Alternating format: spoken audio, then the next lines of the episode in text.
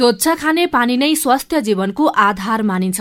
तर सँगै राजधानी भएको जिल्ला काठमाण्डुमा नागरिकले भने जस्तो र चाहे जसरी खाने पानी पाउन सकेका छैनन्। खानको लागि अधिकांशले जारको पानीमा भर पर्नु परेको छ।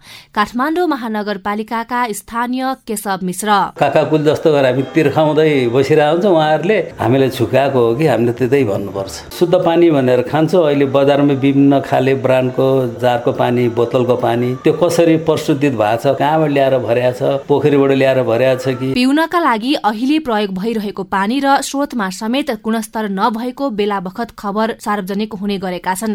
खानेपानी संस्थानसँगको सहकार्यमा पाइपलाइन डिप बोरिङ मार्फत पानीको वितरणमा लागि परेको बताउँदै तारकेश्वर नगरपालिकाका मेयर रामेश्वर बोहरा। नगरपालिकाले अहिले आफैले त्यो खालको पोर्टल लन्च गर्न सक्दैन तर केही केसँग र खानेपानी संस्थासँग समन्वय गर्दै प्रत्येक ठाउँहरूमा खानेपानीको पाइपलाइनहरू विस्तार गर्ने काममा नगरपालिकाको साझेदारीमा त्यस्तो कामहरू भइरहेछ। र प्रत्येक घरमा चाहिँ शुद्ध पानी पोस भन्ने खालको चाहिँ उद्देश्य नगरपालिका छ दिगो विकास लक्ष्य अनुसार सन् दुई हजार तीससम्ममा सबैको निम्ति सुरक्षित र किफायती बेहोर्न सकिने खानेपानीको सर्वव्यापी र समतामूलक पहुँच हासिल गर्ने सरकारको अभियान छ।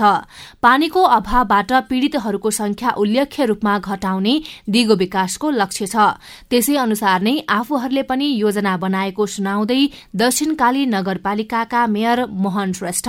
कार्यक्रमहरू नगरपालिकाले अगाडि बढाइराखेको छ। त्यसमा सम्भावित आफ्नो बजेटको सीमाभित्र रहेर ठाउँको पहिचान गरेर जुन ठाउँमा खानेपानीको अभाव भएको ठाउँमा अलिकति राम्रै रकमहरू राखेर आउने दुई वर्षभित्र सबैको घर घरमा धारो पुर्याउने किसिमको लक्ष्य निर्धारण गरेको छ। काठमाडौँ उपत्यकामा खानेपानीको प्रमुख स्रोत जमिन मुनिको पानी रहेको नेपाल खानेपानी संस्थानको तथ्याङ्कमा उल्लेख छ।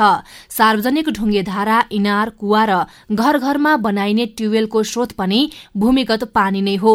तर जथाभावी रूपमा भूमिगत पानी निकाल्ने क्रम जारी रहँदा पनि नियमन भने प्रभावकारी बनेको छैन। यसो हुँदा सन् दुई हजार बीससम्ममा पर्वतीय क्षेत्र वन सिमसार नदी भूमिगत जलभण्डार र ताल लगायत पानीसँग सम्बन्धित परिस्थितिकीय प्रणालीहरूको संरक्षण र पुनस्थापना गर्ने लक्ष्य प्राप्त हुने अवस्था पनि चुनौतीपूर्ण बनेको छ। Sushila Shrestha CIN Mero FM Kathmandu.